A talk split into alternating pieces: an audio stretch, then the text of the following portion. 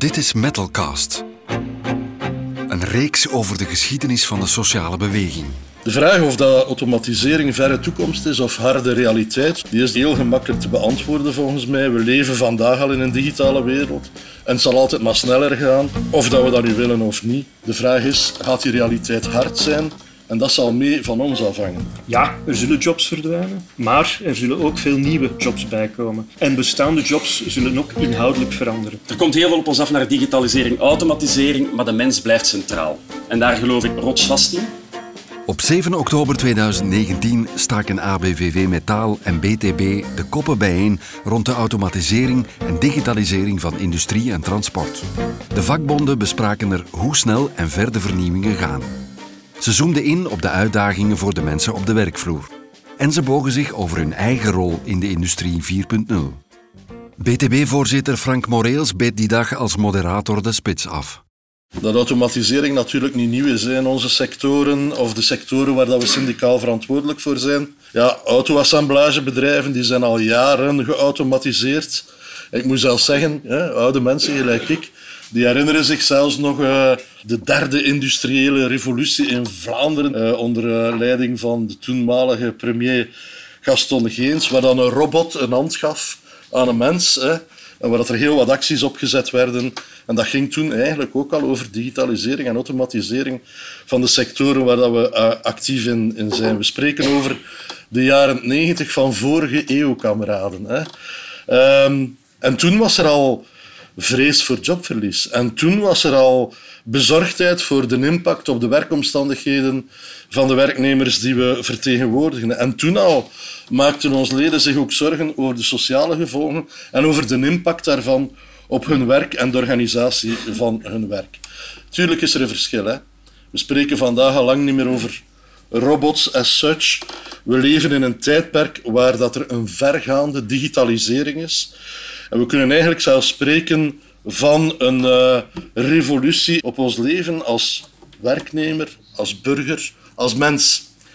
Uh, de hub van DHL bijvoorbeeld op de luchthaven die is zo verregaand geautomatiseerd dat men constant op enkele meters na weet waar dat pakje zich bevindt.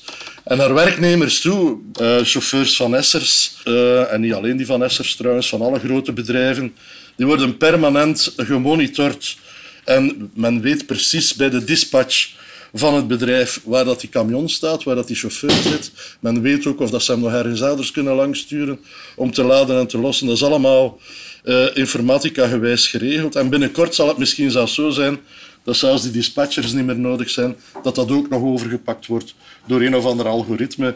Uh, we weten allemaal, de mensen van uh, het wegvervoer, dat um, Uber ook al actief is in de freight-sector en dat die net van plan zijn om dat op die manier te gaan doen. Zelfrijdende bussen komen zelfs binnen op de luchthaven van Zaventem of in Charleroi. Dat is een voorbeeld dat we veel aanhalen.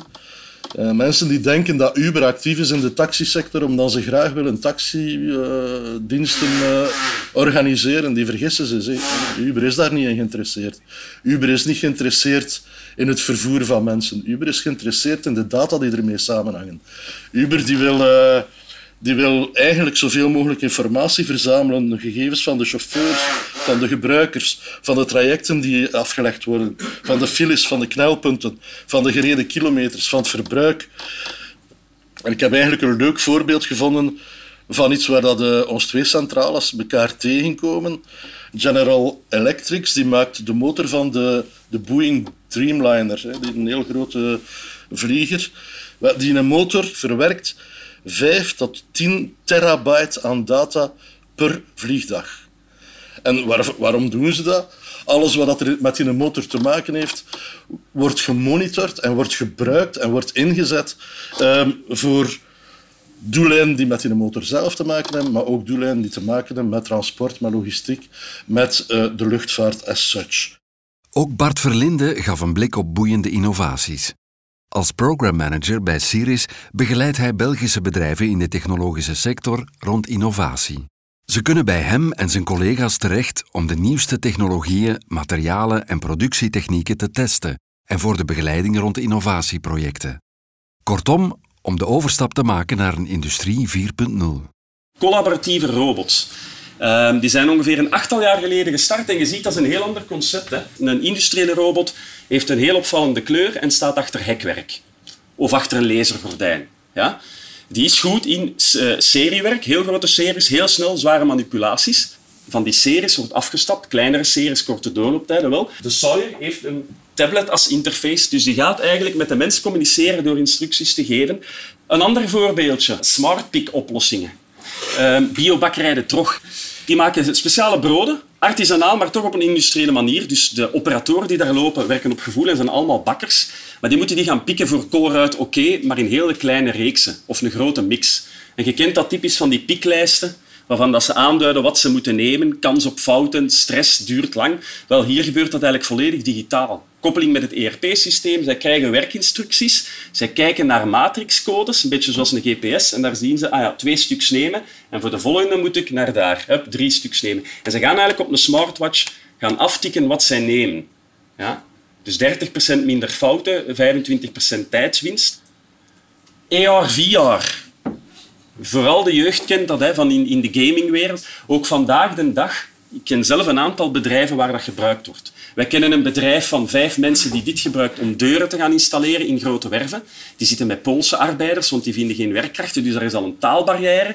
En die gebruiken dergelijke tool ter plaatse om te zeggen, kijk, die deur moet hier, maar we zien hier een buis staan. Vroeger werd er gebeld, ah ja, wacht, een werfleider moet langskomen, dat gaat een halve dag duren.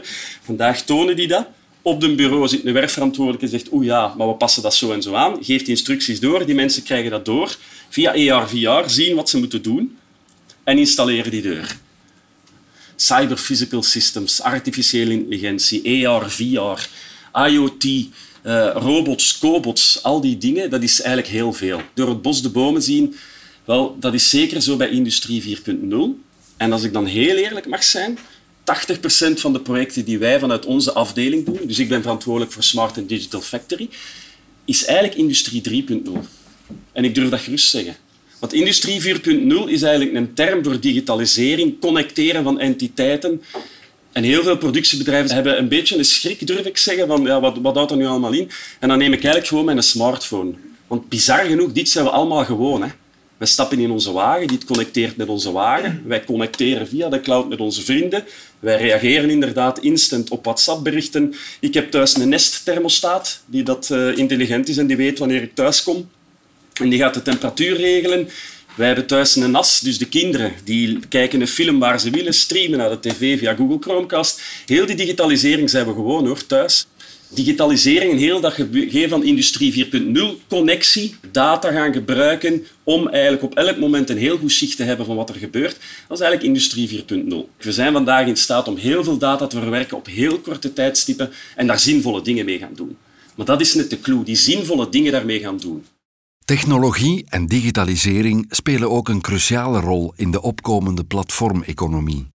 De bekendste voorbeelden zijn Airbnb, Uber en Deliveroo. Het nieuwe businessmodel brengt vraag en aanbod samen op een digitaal platform en haalt zelf inkomsten uit transacties, advertenties en de verkoop van data. De Nederlandse onderzoeker Martijn Arets volgt de internationale platformeconomie al sinds 2012. Als je het over platformen, een platform is eigenlijk een marktplaats. Een marktplaats, vaak met twee kanten. Je vraag en aanbod. En het platform is eigenlijk de marktmeester die die partijen bij elkaar brengt. Waar komt het vandaan? E-commerce. Want uiteindelijk, heel vaak, de technologie kan heel snel gaan, maar mensen veranderen een stuk minder snel. Dus eigenlijk de e-commerce is heel belangrijk geweest in de platformeconomie. Want die heeft eigenlijk voor gezorgd dat mensen eigenlijk gewend raakten en vertrouwd raakten aan het doen van online transacties. En ja, dan heb je een aantal uh, organisaties die dan gaan kijken van ja, maar ja, hoe groot kan het worden? Ja, ING heeft een aardige, flink naar de vinger gepakt van oké, maar hoe groot kan bijvoorbeeld platformwerk worden? En die hebben gezegd van nou ja, afhankelijk van verschillende variabelen kan over 10 jaar tussen de 20 en 70 procent van de flexbranche uh, worden geplatformiseerd. Als je platformwerk ziet als Uber en Deliveroo, uh, wat gelijk gaat aan precaire arbeid, dan is dat een heel erg slechte boodschap. Als je kijkt van oké, maar wat kun je er echt mee? Nou, dan, dan ligt er ook heel veel, heel veel kansen in. Ja, wat doen ze eigenlijk, die platformen? Eigenlijk een aantal dingen. Ze faciliteren en verbinden.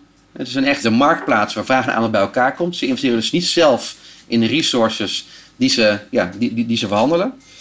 Ze maken gebruik van netwerkeffecten. Oftewel, hoe meer mensen meedoen, hoe beter het vaak werkt. Bijvoorbeeld, een voorbeeld is bijvoorbeeld uh, Booksy, een Nederlandse app. Ja, stel bijvoorbeeld als alle leden van jullie vereniging uh, de boekenkast zouden inscannen um, en ieder boek wat ze hebben zouden scannen via de app, dan heb je in één keer de grootste decentrale bibliotheek ter wereld. Aantal kansen. En ik uiteindelijk platformen kunnen voor een veel meer inclusieve arbeidsmarkt uh, zorgen. Uh, in principe kan iedereen die wil aan het slag voor een platform. Wat ziet gebeuren bijvoorbeeld in uh, Berlijn bij Deliveroo, is dat heel veel mensen, heel veel statushouders, die vanwege een achtergrond en achternaam nergens aan de bak komen, allemaal massaal gaan werken via de platform. En die platformmacht, heel vaak wordt gesproken over hè, de macht van die platform, maar in principe die macht van een platform is alleen maar macht bij gratie van de gebruikers. Eén eh, stroming is bijvoorbeeld nu de opkomst van platformcoöperaties. Waarbij inderdaad de gebruikers van de platformen zich verenigen in een coöperatie en gezamenlijk investeren in technologie. Bijvoorbeeld Up Go in New York, uh, thuisschoonmakers die zich hebben verenigd in, in, in, in, in coöperaties en ook gezamenlijk eigenaar zijn van de technologie waarvan ze afhankelijk zijn. Dus eigenlijk een manier waarbij dus de werkers eigenlijk zichzelf gaan organiseren en zelf een soort van tegenmacht gaan bouwen richting die platformen. Cycle is er eentje voor maaltijdbezorging in Frankrijk, Stoxy voor fotografen en Green Taxi, waarbij 800 taxichauffeurs ieder 2000 dollar hebben ingelegd. Gezamenlijk zijn ze een coöperatie gestart en zijn ze gaan investeren in technologie om een alternatief te kunnen bieden tegenover Uber. De digitalisering zet met de platformen niet alleen de economie op zijn kop ook de manier waarop we werken. Die nieuwe soorten jobs zijn niet altijd zo onschuldig. Duizenden freelancers nemen op digitale platformen opdrachten aan voor een hongerloon. Ze hebben flexibele werkschema's, onzekere statuten en nul sociale bescherming. Er is ook natuurlijk een onbalans tussen het individubelang en het collectief belang. Waarbij mensen steeds meer voor zichzelf gaan en daarbij een groot gevaar voor het collectief. En wat je bijvoorbeeld bij de Deliveroo ziet gebeuren is dat waar bijvoorbeeld maaltijdbezorging eerst iets was als, uh, als bijbaantje voor, uh, voor, voor scholieren, dat het door plasma-economie opeens een hele andere groep aantrekt die er echt afhankelijk van wordt. Oftewel waar we voorheen misschien oké vonden dat die 15-jarigen 3 euro per uur verdienden. Want dat verdienen ze uh, bij de pizzabezorger. Dat we nu misschien van ja oké, maar als we dat gaan projecteren op een groep die er fulltime van afhankelijk is, ja, dan gaan we ongewenste situaties gaan we, gaan we dus uh, creëren. En dat zijn ook, ook ieder geval de vragen uh, uh, waar gewoon verder ook naar, naar, naar moet worden gekeken. Ik denk een van de grootste problemen voor richting de toekomst, richting de platformeconomie, is het enorme gebrek aan kennis bij alle instituties. Ja, bijvoorbeeld was zelfs een, een Vlaamse minister zei een paar jaar geleden van goh, ja, we moeten Airbnb vragen hoe, hoe we de regels moeten, moeten inrichten, want wij hebben geen verstand van platformen. En denk van, ja, oké, ja, je bent eerlijk, maar uh, ja, dat is natuurlijk wel uh, schandalig. Uh, dus ook het kennisniveau moet ook bij al die instituties gewoon omhoog. Want dan pas kun je ook een gelijkwaardige spreekpartner zijn. want als er geen kennis is in de overheid rondom platformen, dan zijn het de lobbyisten die, die de agenda bepalen. Zeker voor de precaire groep is dat slecht nieuws. En misschien het uh, toch wel gebrek aan urgentie, wat ik hier een beetje proef vanuit de overheid, om er iets voor te doen, zeker voor, voor de aanbieders. Ja, daar moet je gewoon, gewoon keihard uh, voor gaan actie voeren. In ieder geval, uiteindelijk, in ieder geval die, die, die urgentie, en misschien klinkt het makkelijker, het, het klinkt makkelijker dan het gezegd dan gedaan. Maar uiteindelijk, die urgentie is heel belangrijk om die op een of andere manier te, te, creëren, om het zichtbaar te maken. En dat is ook wel het interessante bijvoorbeeld van de fietscouriers. Ja, dat, dat is ook iets, iets heel erg zichtbaars in de stad. En daarom zie je bijvoorbeeld dat, dat de overheden uh, zich wel langzaam beginnen te bekommeren rondom dat, dat, dat, dat offline platformwerk, dat zichtbare platformwerk. Bij juist dat online platformwerk nog echt nergens op de agenda staat, omdat het onzichtbaar is. En misschien is dat wel nog een groter gevaar voor, voor de kwetsbare individu dan, uh, dan, de, dan de delivery courier. Ja, de platformwerken bestaat niet. Dan heb ik heel veel, heel veel ja, variabelen, van enorm precair tot enorm blij en ziet er heel veel geld mee. Uh, als je de discussie alleen maar hebt over bijvoorbeeld Deliveroo en Uber, ja, dan, dan mis je eigenlijk wel een groot stuk van, van, het, eh, van het debat. En dat is, uh, dat is zonde. Welke impact hebben de digitalisering en automatisering op de jobs in de industrie? Verdwijnen jobs massaal of loopt het zo'n vaart niet? Volgens Bart Verlinde van Siris blijft de mens centraal staan.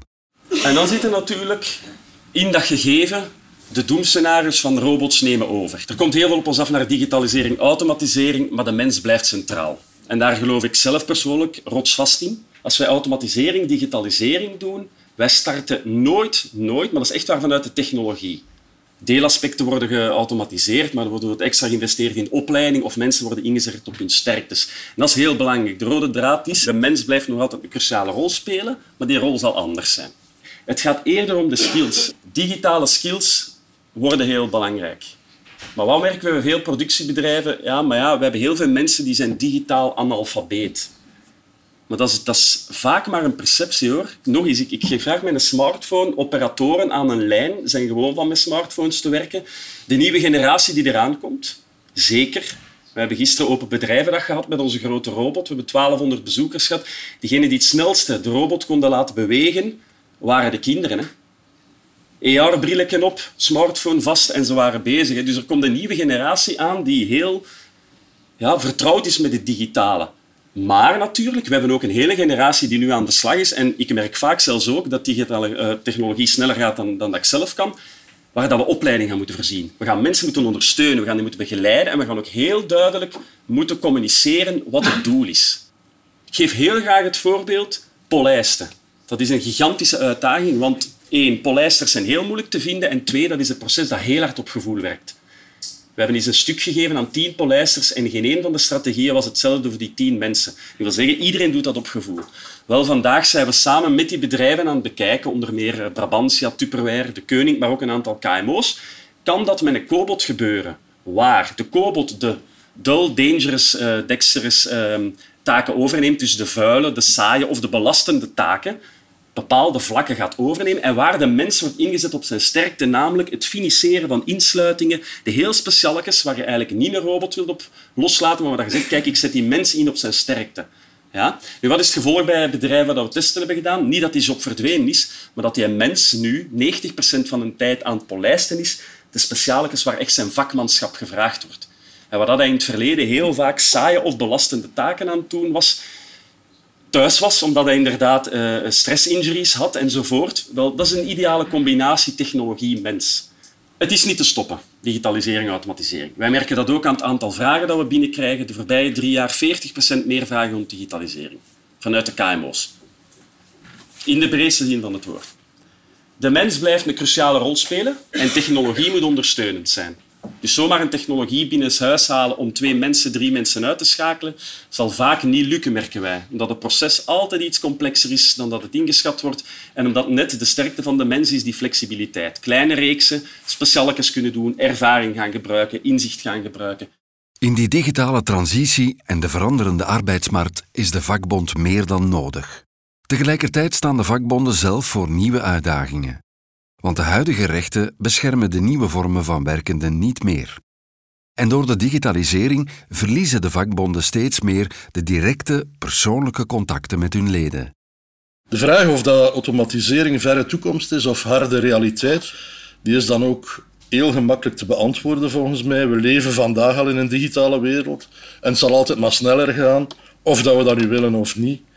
De vraag is, gaat die realiteit hard zijn en dat zal mee van ons afhangen.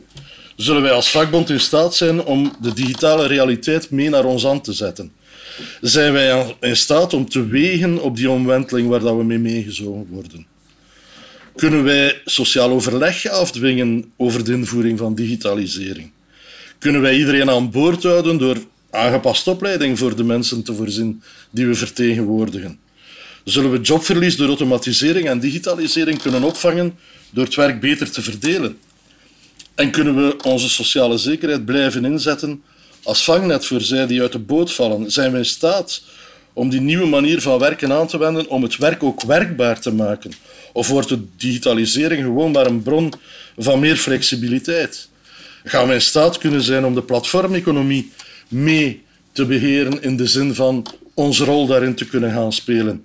Dus we gaan ook moeten als vakbond goed nadenken over hoe dat we ons organiseren. En een van de uitdagingen die we hebben, denk ik, dat is dan de mensen, onze mensen, onze leden, onze militanten, zoveel informatie over hun kop gegoten krijgen dat ze het na een tijdje door het bos de bomen niet meer zien. En misschien gaan we ons moeten uh, afvragen of dat dan nu net onze rol niet zal zijn. Dat wij als vakbond de plus kunnen maken daar. Dat wij hen kunnen helpen om opnieuw door dat bos de bomen te zien. En dat dat onze rol zou kunnen gaan zijn als, uh, als vakbond. Arjen van Halem is een Nederlandse bedrijfskundige bij STZ Advies en Onderzoek, die zich bezighoudt met projecten rond arbeidsverhoudingen, organisatieontwikkeling en kwaliteit van arbeid. Toen de digitalisering opkwam, was hij al betrokken bij heel wat studies naar de impact op werk en de rol van de vakbond. Er kwam een heleboel op uh, de vakbeweging af. Grote vragen met wat gebeurt er nou en wat gebeurt met onze banen. Eigenlijk was het klassieke standpunt van ook de vakbeweging Nederland, we zijn tegen automatisering, want het kost banen. Een aantal uh, jongere vakbondsbestuurders hebben toen een aantal jongere onderzoekers aan het werk gezet, waaronder ook uh, mij en mijn collega's. En we hebben toen een aantal sectoren, industrie, voedingsindustrie, transport, de ontwikkeling in kaart gebracht. En onze conclusie toen was eigenlijk, het kost niet alleen banen, misschien schept het ook wel banen, maar vooral het verandert de kwaliteit van de arbeid. En hoe komt dat? Omdat er in heel veel gevallen sprake is geweest van een heel klassiek ontwerpproces. Eerst werd er nagedacht over techniek, hè, bijvoorbeeld om steeds meer arbeidskosten te besparen. En was dat even uitgedokterd door de ingenieurs. Dan werd de fabriek gebouwd en daarna gingen de resterende taken werden verdeeld over de werknemers. Typisch uh, ontwikkeling van resttaken en restfuncties. Automatisering is een realiteit. Het is een proces in het verleden, begon natuurlijk ook al in de 19e eeuw, heden en ook de toekomst. De uitdaging is om er zorgen dat je op tijd over mee kunt praten en dan eigenlijk ook over bijna alles. En vooral, en dat vond ik al net, niet laten afstikken door die rapporten van de McKinsey's, dat straks al die taken en functies uit de logistieke sector allemaal verdwenen zijn. Bepaalde taken kun je automatiseren, maar een functie weghalen is, is, is veel lastiger. De positie van de vakbond, die moet eigenlijk kiezen tussen twee perspectieven. Ik zie uh, de visie vanuit transport 4.0 als analogie van industrie 4.0 als een kantrijke benadering om de kwaliteit van arbeid te verbeteren met digitalisering. Maar een grote bedreiging is de platformeconomie. En als die, die mix van digitalisering en platformeconomie de overhand krijgt, dan ben ik uitermate somber gesteld en ben zeker kritisch op, op alle Ubers en wat ermee samenhangt. Dus het moet echt een hart aan de bak op allebei de fronten hè, om te zorgen dat je de kansen die er zijn eh, kunt pakken en bedreigingen kunt voorkomen. De future is now, maar wel onzeker. Martijn Aret ziet het helemaal niet zo somber in.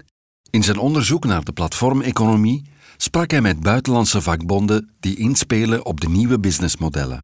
Vaak gaan de vakbonden ook zelf aan de slag met technologie en data. Unionen, de Zweedse vakbond, is aan het kijken van hoe kunnen we bijvoorbeeld collectieve afspraken borgen in een algoritme.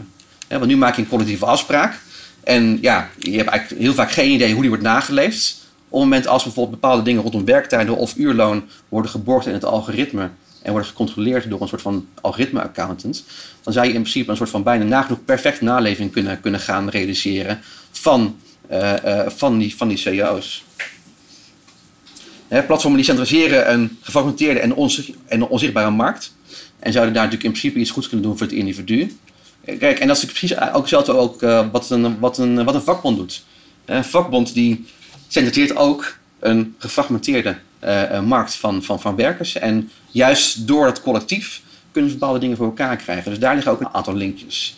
Ik denk uiteindelijk, hè, werkgevers die hebben ook baat bij een sterke en betrouwbare vertegenwoordiging van de werkenden. In Nederland is, zijn de vakbonden heel, heel, erg, heel erg zwak. En daar zie je juist dat juist de werkgeversverenigingen eigenlijk nou misschien bij die vakbonden liever gewoon zouden financieren. Omdat ook voor een werkgever belangrijk is om gewoon één aanspreekpunt te hebben. Bijvoorbeeld uh, eh, FNV doet daar hele, hele interessante dingen mee. Uh, het Union die ik zei, die borgt collectieve afspraken in het algoritme. Um, ehm, FNV Horeca werkt en leert samen mee met een platform. En bijvoorbeeld de Oostenrijkse Vida's die sloot de CEO af voor fietscouriers. Dus daar liggen echt heel veel, heel veel kansen. Want uiteindelijk Hè, kansen vakbonden is platformen die verlagen ook drempels om te staken. Want je juist ook mensen digitaal kunt organiseren. Het zijn mensen die heel erg ja, digital first minded zijn. En dan is natuurlijk wel de belangrijkste vraag. Ja, welke rol pakt een vakbond in het faciliteren van de platformwerkers? Zichzelf te organiseren en te empoweren. Die platformcoöperaties die kunnen alleen maar werken wanneer bijvoorbeeld vakbonden daarin meehelpen en ook mee investeren. En zo faciliteren ze eigenlijk hun werkers eh, of, of hun leden met technologie om sterker te zijn en bewijzen daarmee ook gewoon veel meer hun relevantie richting die, uh, richting die werkenden. Welke rol de vakbond zal spelen en hoe de digitalisering ook evolueert, één ding staat voor Frank Moreels van BTB als een paal boven water. Niemand mag achterblijven. Ons kameraden van de Duitse vakbond uh, Verdi die gebruiken de campagneslogan ter zake. Digitaal moest sociaal. Digitaal moet sociaal. Ik vind dat eigenlijk een goede campagneslogan. En ik stel dan ook voor, met toelating van de kameraden van, van Verdi, dat we die onbeschaamd plagiëren. Uh, ze hebben mij gezegd van, uh, dat ze daar geen rechten op vragen. Dus ik denk dat we uh, als centrales ons absoluut niet moeten generen om inderdaad ook onze rol daar te spelen en om te eisen dat digitaal sociaal wordt. Niet alleen in woorden, niet alleen op studiedagen, niet alleen op de momenten dat we daar een keer over discussiëren tussen pot en pint aan de toog, maar ook heel concreet met de voorstellen die we doen bij CAO-onderhandelingen, dat we actiepunten naar voren schuiven. Dat digitaal sociaal moet zijn, is ook de kernboodschap van Ortwin Magnus, ondervoorzitter van ABVV Metaal. Aan het einde van de studiedag presenteerde hij de gemeenschappelijke visie van BTB en ABVV Metaal naar een inclusieve en mensgerichte digitalisering in de metalen transportsector. De vakbonden roepen hun militanten, delegees en secretarissen op om die visie in het achterhoofd te houden bij CAO en andere onderhandelingen. Voor ons als vakbond is het belangrijk om een genuanceerde en onderbouwde, maar tegelijk krachtige visie te hebben over digitalisering, robotisering en automatisering. En al wat daarbij komt kijken. Wie uit de boot valt, wie zijn job ziet weggeautomatiseerd worden of weggerobotiseerd wordt, moet kunnen terugvallen op een sterk sociaal vangnet en moet uitgebreide kansen krijgen om zich te heroriënteren, herscholen en om een andere, hopelijk betere job te vinden.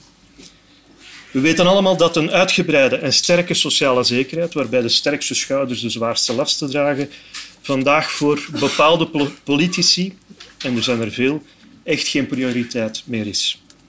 Maar voor ons als vakbond is het dat uiteraard wel. Ja, er zullen jobs verdwijnen, maar er zullen ook veel nieuwe, andere jobs bijkomen. En bestaande jobs zullen ook inhoudelijk veranderen. Hoe gesofisticeerd en fijngevoelig robots ook worden, er zal altijd nood zijn aan menselijke arbeid. Natuurlijk, bepaalde beroepen zullen gevoeliger zijn voor automatisering dan andere beroepen.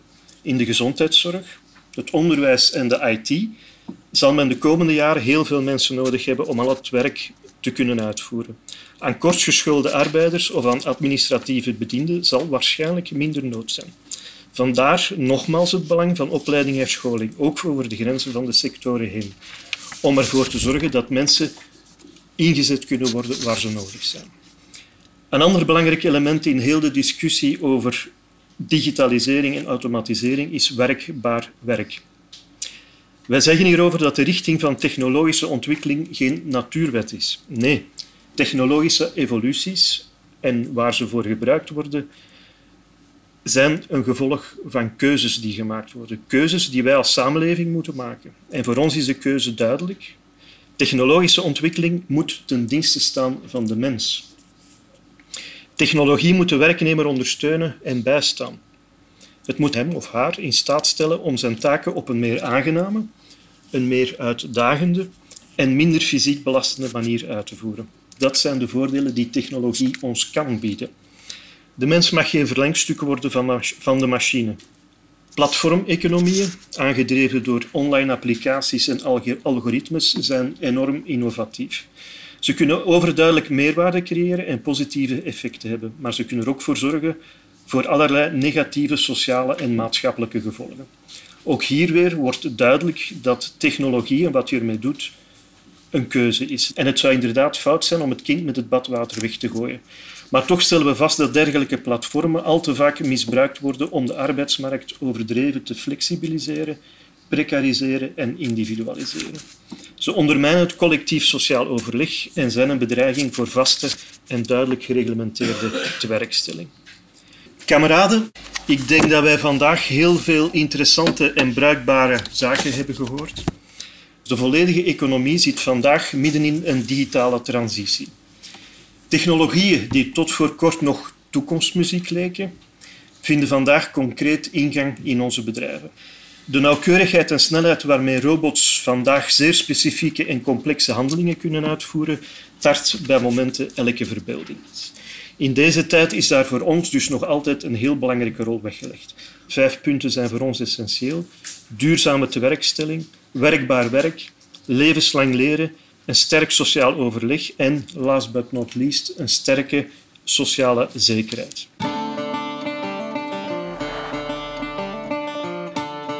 Meer weten over de geschiedenis en uitdagingen van de sociale beweging? Ga naar abvvmetaal.be slash metalcast en download je volgende podcast.